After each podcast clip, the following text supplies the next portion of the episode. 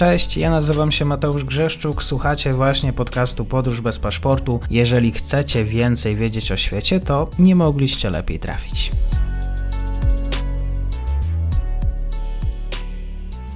Dzień dobry Państwu, dzień dobry wszystkim słuchaczom. Dzisiaj jesteśmy na Wyspach Brytyjskich. Wczoraj odsłuchali Państwo, mam nadzieję, odcinek o Szkocji. Dzisiaj większe spojrzenie na Wielką Brytanię. Ze mną jest dr Małgorzata Kaczorowska, Uniwersytet Warszawski. Dzień dobry, bardzo mi miło. Dzień dobry, panie redaktorze, dzień dobry Państwu. Te pomysły, bo dzisiaj będziemy rozmawiać o likwidacji Izby Lordów, e, w tej angielskiej, brytyjskiej infosferze już e, funkcjonują już od jakiegoś czasu bo pojawiły się wcześniej petycje o zorganizowanie referendum w sprawie właśnie zniesienia Izby Lordów. E, tutaj oczywiście y, kwestia dochodzi brytyjskiego prawa, czy, czy jak właściwie taki wniosek mógłby być rozpatrzony, ale może na początek też wyjaśnienie to spojrzenie. Izba Lordów e, to są niewybieralni przez Brytyjczyków, rozumiem, e, przedstawiciele. Pytanie, kim są ci ludzie. Kilka haseł e, znalazłem, oczywiście arystokraci, e, ludzie, którzy dziedziczą prawo, ludzie, którzy nie powinni tam zasiadać. Pani doktor. O, bardzo wiele wątków e, naraz. E, Izba Lordów jest e, drugą izbą parlamentu brytyjskiego, szczególnego typu izbą, bo nie jest wybieralną, ani nie jest reprezentacją części składowych, których moglibyśmy się spodziewać, ale to jest pewien pomysł na ewentualną przyszłość. Izba Lordów podlega od jakiegoś czasu już, właściwie od dawien dawna, reformie i zmianom pozycji ustrojowej. Początkowo było to kilkuset wysoko urodzonych, e, tak, arystokratów. E, wiek XIV, XIII to takie początki, można mhm. powiedzieć, kształtowania się pozycji, przede wszystkim wybijania się pozycji parlamentu. Magna Carta Libertatum, e, wiek XIII, no właśnie e, i wzrastanie pozycji tejże. Izba Lordów była tą izbą, której, e, która nie jest wybieralna wciąż nadal. Pomysły na wybieranie Izby Lordów są, są wciąż. Natomiast jej pozycja wraz z upływem wieków i dziesiątków lat zaczynała i ulegała ograniczeniu. To była zawsze, z uwagi na to, że jest to izba, w której skład wchodzą w tej chwili w dużej mierze e, i w większości lordowie dożywotni, tak zwani e, lordowie dożywotni, e, którzy mają, otrzymali tytuł z rąk królowej, króla w tej chwili, na czas, do czasu swojej śmierci, który nie jest przekazywany. Członkowie co prawda rodzin mogą używać tego tytułu, który wskazuje, że są potomkami, natomiast nie jest to tytuł przechodni. 92 lordów wybieranych jest spośród lordów, którzy mogą pochwalić się, e, czy też poszczycić się, e, czy udowodnić e, tytuł nadany mm, sprzed wieków, czy też lat i oni mogą zasiadać na tej podstawie w Izbie Lordów.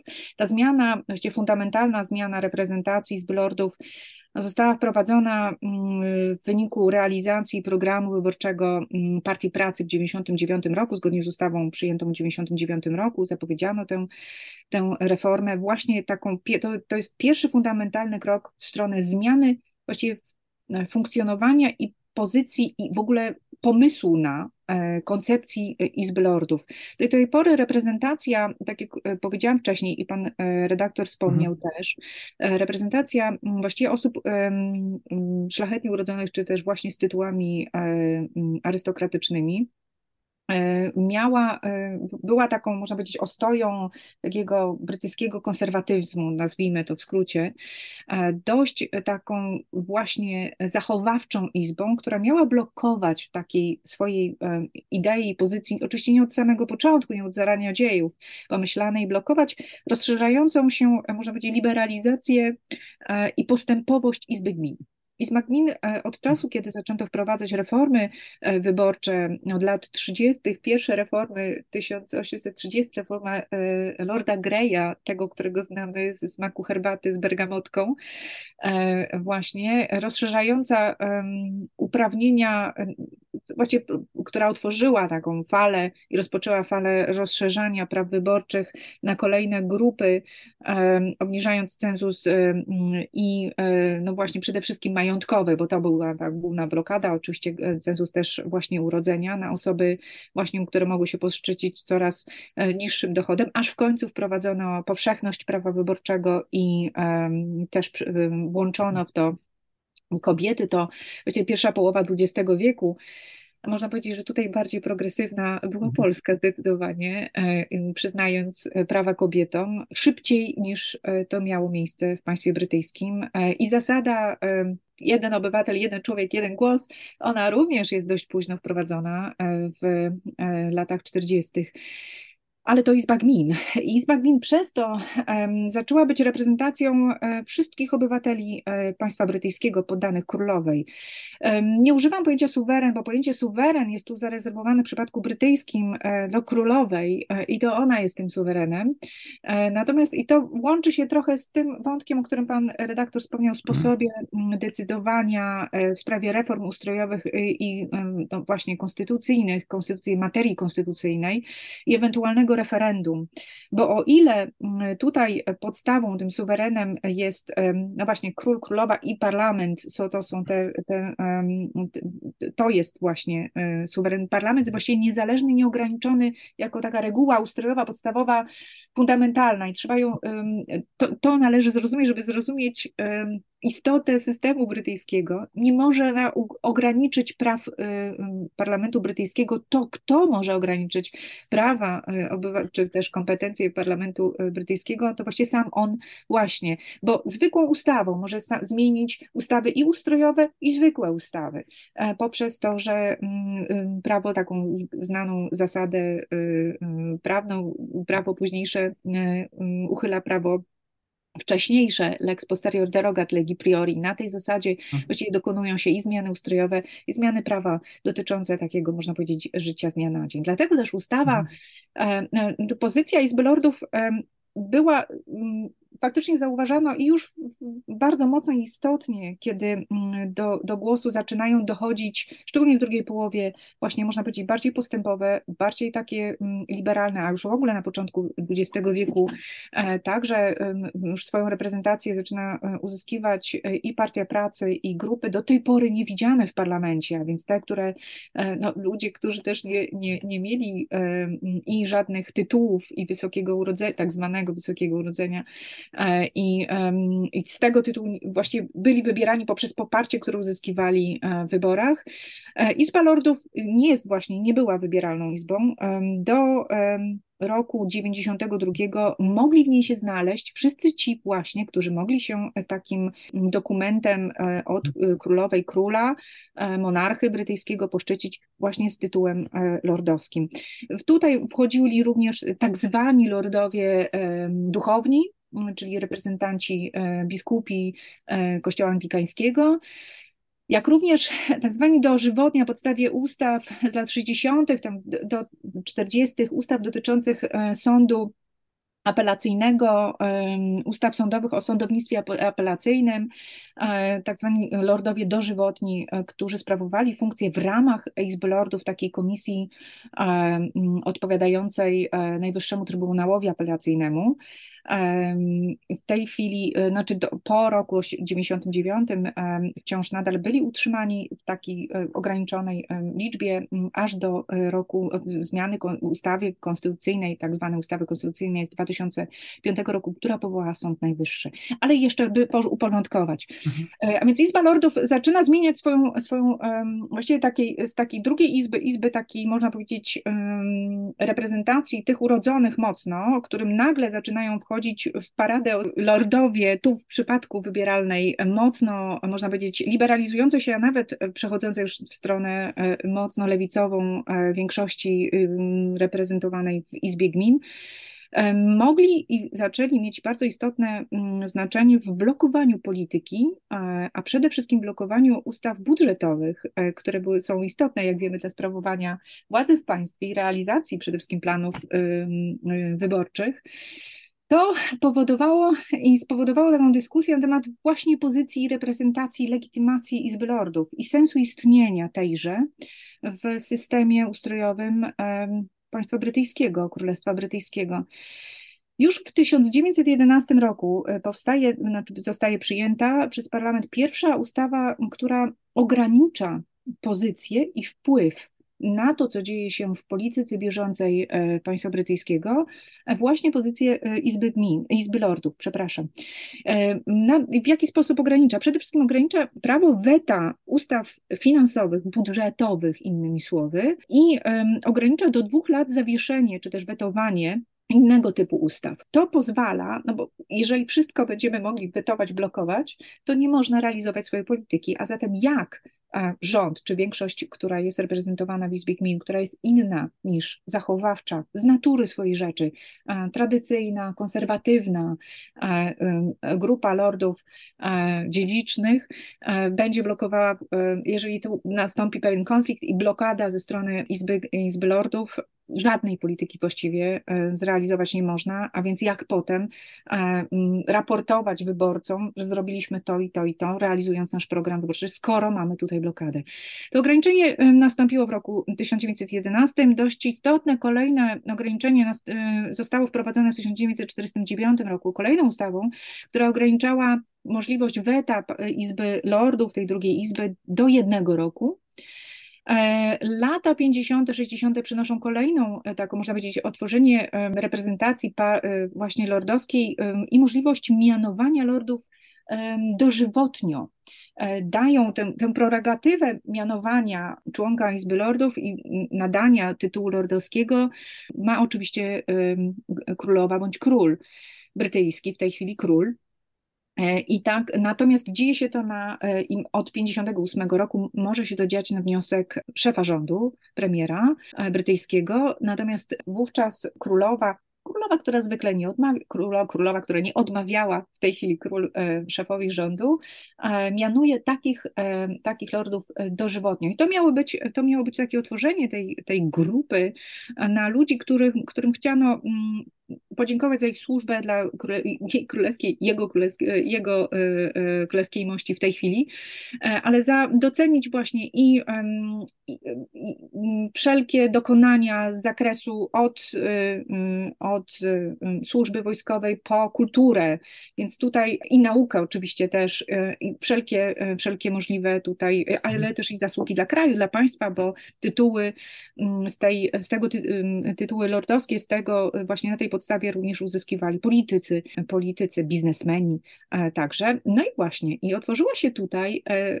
taka e, furtka dla pewnych, co stało się pewną kontrowersją, dla pewnych dość istotnych przesileń i kupowania tytułów zasługami dla poszczególnych partii, bo i wnioskujących, bo wniosek składał przecież szef, szef rządu, szef partii rządzącej. Ta dyskusja na temat pozycji ustrojowej Izby Lordów oczywiście toczy się cały czas, przez cały wiek XX, e, aż w końcu w manifestie wyborczym, programie wyborczym Partii Pracy pojawia się już w latach 70., 60. tych dyskusji, raportów, pomysłów na to, jak zmieniać, ewoluować jak, jaką funkcję ewentualnie miałaby ta druga izba ewentualnie utrzymana, bądź w ogóle pomysły w ogóle skasowania i zredukowania parlamentu brytyjskiego tylko do jednej izby też gdzieś tam powstają, są takie mocno idące, mm, bardzo progresywne.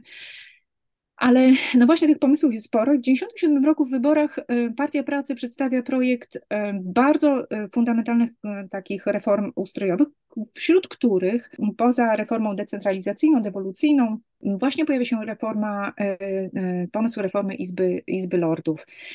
Partia Pracy wygrywa wybory w maju 1997 roku i rozpoczyna pracę właśnie nad reformą, która owocuje ustawą e, o Izbie Lordów, która przede wszystkim właściwie wprowadza, jest pierwszym krokiem, zapowiada się, że jest to pierwszy krok do zmiany mm, pozycji ustrojowej i idei funkcjonowania, pomysłu na funkcjonowanie drugiej Izby.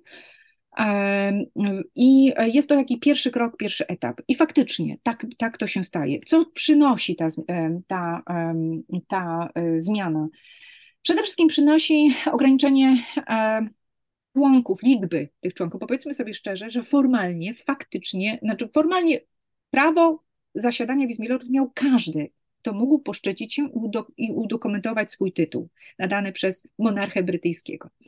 E, faktycznie zasiadało, obliczano mniej więcej na około 1200-1300 osób, taką liczbę osób, które miały faktycznie tenże, tenże tytuł do zasiadania. Było to kilkaset osób, które regularnie z tego, z tego tytułu korzystało. E, i e, brało udział w posiedzeniach Izby, Izby Lordów. Ograniczenie, które wprowadza ustawa z 1999 roku, to 92 lordów wybieranych spośród właśnie tych, którzy mają tytuł lorda e, dziedzicznego, tytuł arystokratyczny dziedziczny. Utrzymano możliwość zasiadania wszystkich lordów, którzy mają tę, czy arystokratów, którzy dostali, otrzymali tytuł mm, dożywotni. E, mm, utrzymano również reprezentację 26 e, e, duchownych z tytułem lordowskim, oczywiście z najważniejszymi, między innymi z, z arcybiskupem Canterbury, oraz także utrzymano, z uwagi na to, że utrzymano wciąż jeszcze w 1999 roku funkcję sądowniczą sądu apelacyjnego, tego najwyższego, najwyższej, najwyższej tego Trybunału Apelacyjnego, do spraw cywilnych i karnych dla Szkocji i Walii, skoro tak, to również lordów, e, lordów tak zwanych lordów prawa, którym, którymi mieli być, byli mianowani, były mianowane osoby z doświadczeniem co najmniej dwuletnim, taką można być uznaniem w środowisku, że mieli sprawować tę funkcję, znaczy tytuł odziedziczyli dożywotnio, a funkcję y, na czas powołania. I tak to wyglądało w 1999 roku. Oczywiście Izba utrzymała swoje funkcje zasadnicze.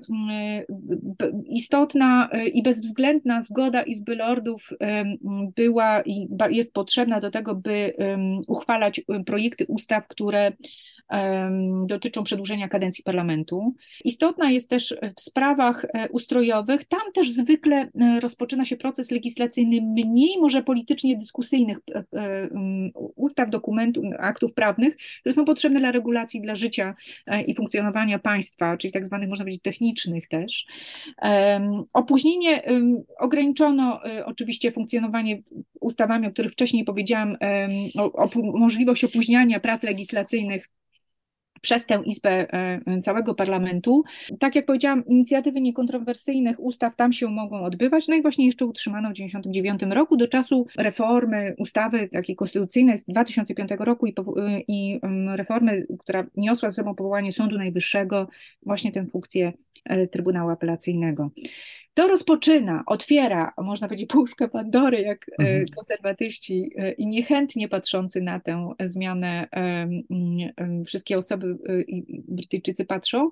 No właśnie, cały czas oczywiście ideą taką przewodnią dla, uzasadnieniem dla Izby Lordów jest to poprawianie, to, to Izba Refleksji, bycie taką izbą, która ma korygować to, co dzieje się w Izbie Gmin, ma korygować, poprawiać ustawodawstwo, sprawiać, że ono będzie bardziej takie może być idealne e, i e, odpowiadające wszelkim, e, wszelkim standardom prawnym. Tylko, że właśnie dyskusja na temat tego, czy utrzymywać taką izbę, która dość dużo kosztuje, a nie wystarczą komisje, właśnie pytania, czy nie wystarczą komisje w Izbie Gmin, które mogą tym też się zająć i dbać o jakość prawa i ustawodawstwa, legislacji brytyjskiej, czy jest to właściwie taki, można być, fundamentalny sens, sens istnienia Izby Gmin?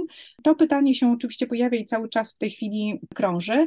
Po 1999 roku projekty kontynuacji, raporty, które miały e, i, e, i takie, można powiedzieć, projekty kolejnych zmian były przygotowywane. Jedną z takich właśnie zmian, które, które w 2007 roku również przedstawiał, przedstawiali politycy Partii Pracy, później firmował to swoim nazwiskiem Gordon Brown, który bardzo aktywny jest w tej, w tej dziedzinie, miały iść w kierunku e, przekształcenia Izby Lordów w stronę Izby Reprezentacji Części Składowych Y, państwa brytyjskiego, bo i ta partia pracy w latach 90. po dojściu do władzy w 97 roku rozpoczyna również przecież drugą fundamentalną reformę ustrojową, decentralizacyjną, dewolucyjną, e, która powołuje rok wcześniej niż e, wprowadzenie reformy Izby Lordów, powołuje do życia, można powiedzieć, parlamenty, zgromadzenia, e, nazwijmy to regionalne, części składowych parlament szkocki, zgromadzenie walijskie, jak i zgromadzenie północnej Irlandii. No i pomysł między innymi Gordona Brown który pojawi się jesienią ubiegłego roku też, bardzo taki konkretny już sposób, e, jest taki, żeby Izba Lordów przybrała formułę czegoś na kształt drugiej izby reprezentacji części właśnie składowych Unii Brytyjskiej. Jest to pewien pomysł, który co prawda na, przeszczepia na grunt brytyjski dość istotny i niepokojący i mhm. wywołujący sprzeciw wśród klasyków scentralizowanego, unitarnego państwa brytyjskiego mm, y, pomysł federalizacji państwa brytyjskiego. Bo idea i formuła reprezentacji części składowych państwa to idea fundamentalna dla państw zdecentralizowanych, sfederalizowanych, gdzie głosem części składowych które mhm. reprezentowane są na różnej, różnej filozofii, a to reprezentacji populacyjnej, a to równej reprezentacji, jak mamy to w Stanach Zjednoczonych, każdy stan e, ma dwóch przedstawicieli, czy właśnie populacyjnej, jak to jest w Federacji Niemieckiej, w zależności od tego, jak duży jest land, tak duża jest ta reprezentacja, oczywiście w granicach pewnych ustalonych, zaszczepia ten pomysł. Tych pomysłów jest bardzo wiele, poza tym krytyka y, bardzo wielka krytyka Izby Lordów, poza właśnie jej niereprezentacyjnością, e, deficytem demokratycznym, kto wybiera, na jakiej podstawie, dlaczego ci, a nie inni, e, dlaczego taki pomysł w tej chwili e, redukcji i reprezentacji.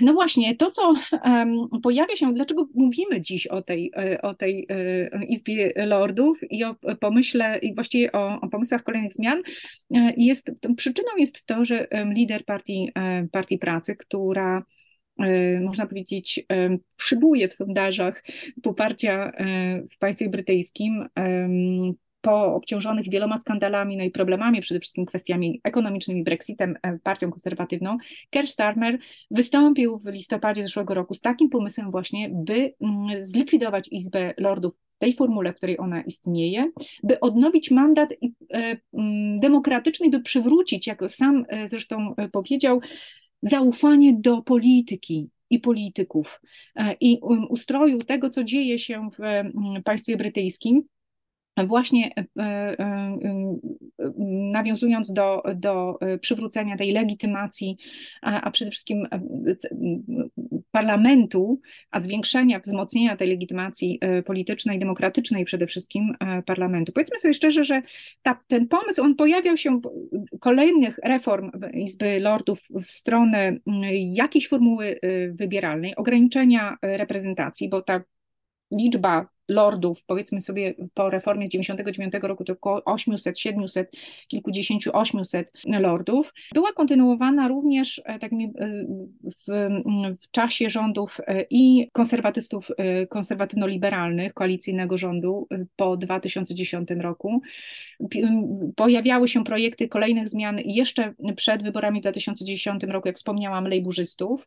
Potem konserwatyści także przyjęli zmiany, także przyjęli swoje projekty i kolejne raporty mm, były publikowane. 2017 rok, taki znany raport e, Lorda Barnesa, e, właśnie dotyczący ograniczenia liczby lordów do maksymalnie 600 i takiej stopniowej, pomysłu stopniowej redukcji e, obecnego składu, ale fundamentalne istotne zmiany to był rok 2014, w którym umożliwiono rezygnację z zasiadania w Izbie Lordów tym, którzy nie interesują się pracą, nie mają, spośród oczywiście dożywotnich e, lordów, nie mają e, czasu, przestrzeni na to, e, ale jednocześnie przy możliwości utrzymania tytułu, arystokratycznego, nie wymagało to rezygnacji e, i faktycznie do dzisiejszego dnia około 160-180, jeśli się nie mylę, osób zrezygnowało mm, z takiego e, pełnienia funkcji. Wprowadzono też możliwość mm, wykluczenia z, z obrad Izby Lordów osób, które są obciążone zarzutami czy orzeczeniami sądowymi. W 2005 rozszerzono, wprowadzono taką ustawę o lordach kobietach duchownych, z uwagi na to, że rok wcześniej e, dopuszczono e, do e, godności biskupich również kobiety w ramach Kościoła Anglikańskiego. To też umożliwia i wprowadza ustawa z 2015 roku, w której mowa jest o tym, że jeśli pojawi się wakat wśród tych lordów duchownych, wówczas jeśli to możliwe i jeśli jest taka osoba, pierwszeństwo czy też powołanie może dotyczyć także kobiety na, tę, na, tę, na to czy, i, i uzyskanie tej godności przedstawicielstwa w Izbie Lordów. No i oczywiście fundamentalna zmiana, która weszła w życie w 2009 roku i można powiedzieć przejęła, e, przeniosła e, funkcję sądu, Trybunału Apelacyjnego na Sąd Najwyższy e, Zjednoczonego Królestwa. Ustawa z 2005 roku, która właśnie wchodzi w życie już i zaczyna działać, Sąd Najwyższy w 2009, no, która można powiedzieć redukuje funkcję Izby Lordów te funkcje sądownicze, które jeszcze swego czasu e, do tego 2005 roku pełnił, e, a faktycznie 2009 roku, kiedy ten rozruch już nastąpił Sądu Najwyższego i 12 sędziów przejmuje funkcję e, Najwyższego Sądu dla, dla Zjednoczonego Królestwa, przede wszystkim Walii i Anglii w sprawach karnych i cywilnych, to ma miejsce. Wiążą się z, nie każdy parlament ma dwie izby. Węgry, Izrael, Dania, to nie, nie, nie jest to potrzebna. Dyskusje też dotyczą hmm. Polski, czy stu y, senatorów utrzymywanie jako izba refleksji, poprawy prawa, w tej chwili reprezentacji opozycji jest e, potrzebna. Organizacja wyborów kosztuje, utrzymanie tychże kosztuje. E, pomysł, e, pomysłów było sporo, zresztą pomysł wybieralnej Izby Lordów Zgodnie z, taką, z, takim, z takim raportem Lorda Steela propozycją, której, e, której wskazano właśnie na pewne, e, zresztą ten argument pojawia się także we współczesnych analizach. Mogą Państwo znaleźć takim jeden z tych ciekawych tekstów um, takich um, analizujących obecne pomysły zmian Partii Pracy i, i Starmera, między innymi Simona Jenkinsa, jednego z takich um, dziennikarzy Guardiana, w których mówi się o, no właśnie o pewnej kolizji skoro obie izby będą wybierane przez ten sam, e, tę samą grupę, to czy nie będą kolidowały, znaczy nie, czy nie będzie tu pewnego konfliktu, jeśli chodzi o ich pozycję, o ich kompetencje. To jest też taki ciekawy, ciekawy pomysł, o czym też wcześniej wspomniał Lord Steele. Tak. On proponuje, by zmienić tę formułę na e, formułę e, nominacji, zresztą pomysły związane z tym, jak wybierać lordów, czy mają oni być mianowani, czy miałyby być e, mm, to wybory.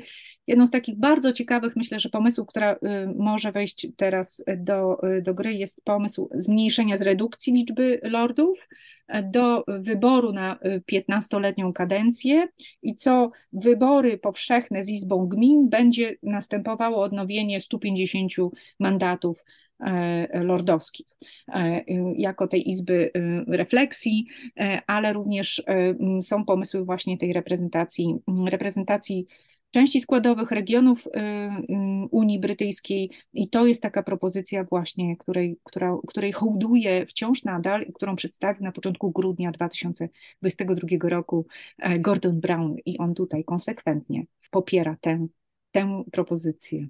Ja widzę, pani doktor wyczerpała moje wszystkie pytania, ale to kompleksowa wiedza dzisiaj dla słuchaczy na temat tego, co się dzieje właśnie w obszarze e, tej akurat e, ja myślę, że części. Tak. Jeśli mogę tylko jeszcze dodać, bo Izba Lordów jest e, poddana bardzo dużej krytyce i to, co myślę, że może być ciekawe, mhm. o czym warto wspomnieć, skandali związanych z tym, kto dostaje nominację, czy kogo proponuje, czy proponowali premierzy, tak.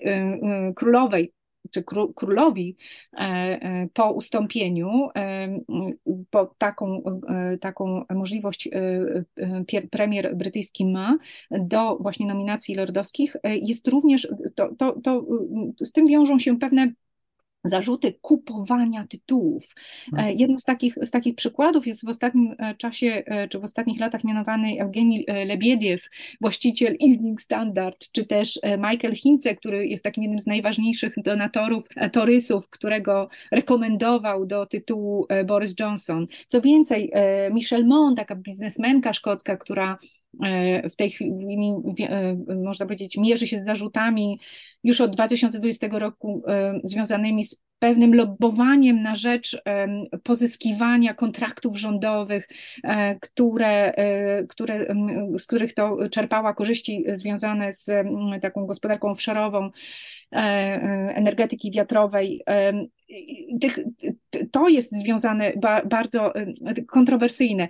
Przypomnijmy, ciekawą e, sprawą jest też liczba e, e, parów, których, czy też no właśnie arystokratów, których, o których wnioskowali, których powołanie wnioskowali mhm. poszczególni premierzy. O ile David Cameron, który sprawował swoją funkcję około 6 lat, blisko 6 lat, zaproponował 240 trzech, 243 osoby właśnie do tytułu arystokratycznego.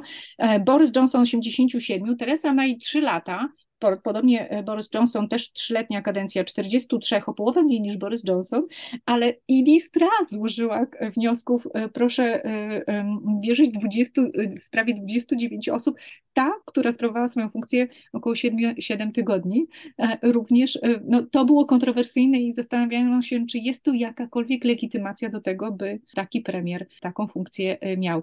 Wcześniej ograniczenia dotyczące Izby Lordów, członków tejże Izby były dość istotne, bo y, lordowie nie mogli brać udziału w wyborach, musieli się zrzec swojego tytułu. Ostatnie ustawy umożliwiają im uzyska, utrzymanie tytułu i ewentualnie możliwość rezygnacji z y, uczestnictwa w Izbie Lordów, ale możliwość właśnie udziału w wyborach y, powszechnych i, i zostania wybranym do Izby Gmin z kolei.